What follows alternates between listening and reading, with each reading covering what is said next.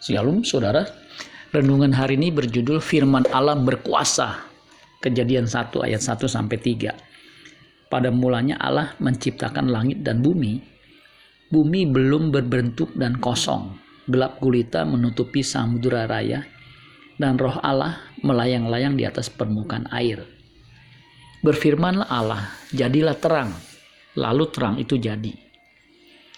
Pada waktu penciptaan, roh Allah melayang-layang di atas permukaan air saja. Beberapa lama roh Allah melayang-layang saja, tidak dijelaskan berapa lama. Yang pasti, pada waktu roh Allah melayang-layang, terang belum tercipta. Terang tercipta ketika Allah berfirman, "Jadilah terang." Di sini kita melihat betapa powerfulnya firman Allah itu. Firman itu berkuasa untuk menciptakan, dari yang tidak ada menjadi ada. Makanya jangan pernah meremehkan firman Allah. Kejadian 13 ayat 13, siapa meremehkan firman, ia akan menanggung akibatnya. Tetapi siapa taat kepada perintah akan menerima balasan. Firman itu yaitu Sang Logos telah menjadi manusia. Dia yang berkuasa menyelamatkan umatnya dari dosa. Firman yang tertulis dalam bentuk buku atau Alkitab adalah kekuatan Allah yang menyelamatkan dan yang menguduskan orang yang percaya.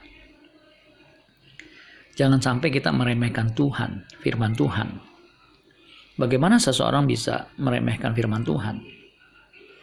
Orang meremehkan firman Tuhan bisa dalam berbagai bentuk, baik dengan sikap, perkataan, dan tindakan.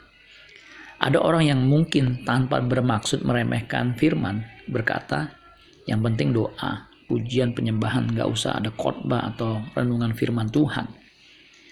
Memang PPW, praise, pray, pray, pray and praise and worship itu penting. Tetapi justru bagian yang terpenting adalah firman Tuhan. Ada orang yang meremehkan firman Tuhan waktu mendengar khotbah. Perhatiannya tidak fokus, malah ada yang tidur.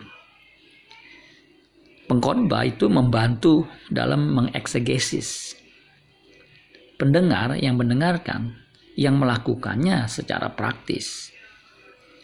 Ketika seseorang mendengar firman, ia akan mengerti. Ketika ia mengerti, maka ia akan berbuah berlipat kali ganda, 30, 60, bahkan 100 kali lipat. Amin buat firman Tuhan. Tuhan Yesus memberkati. Sola Gracia.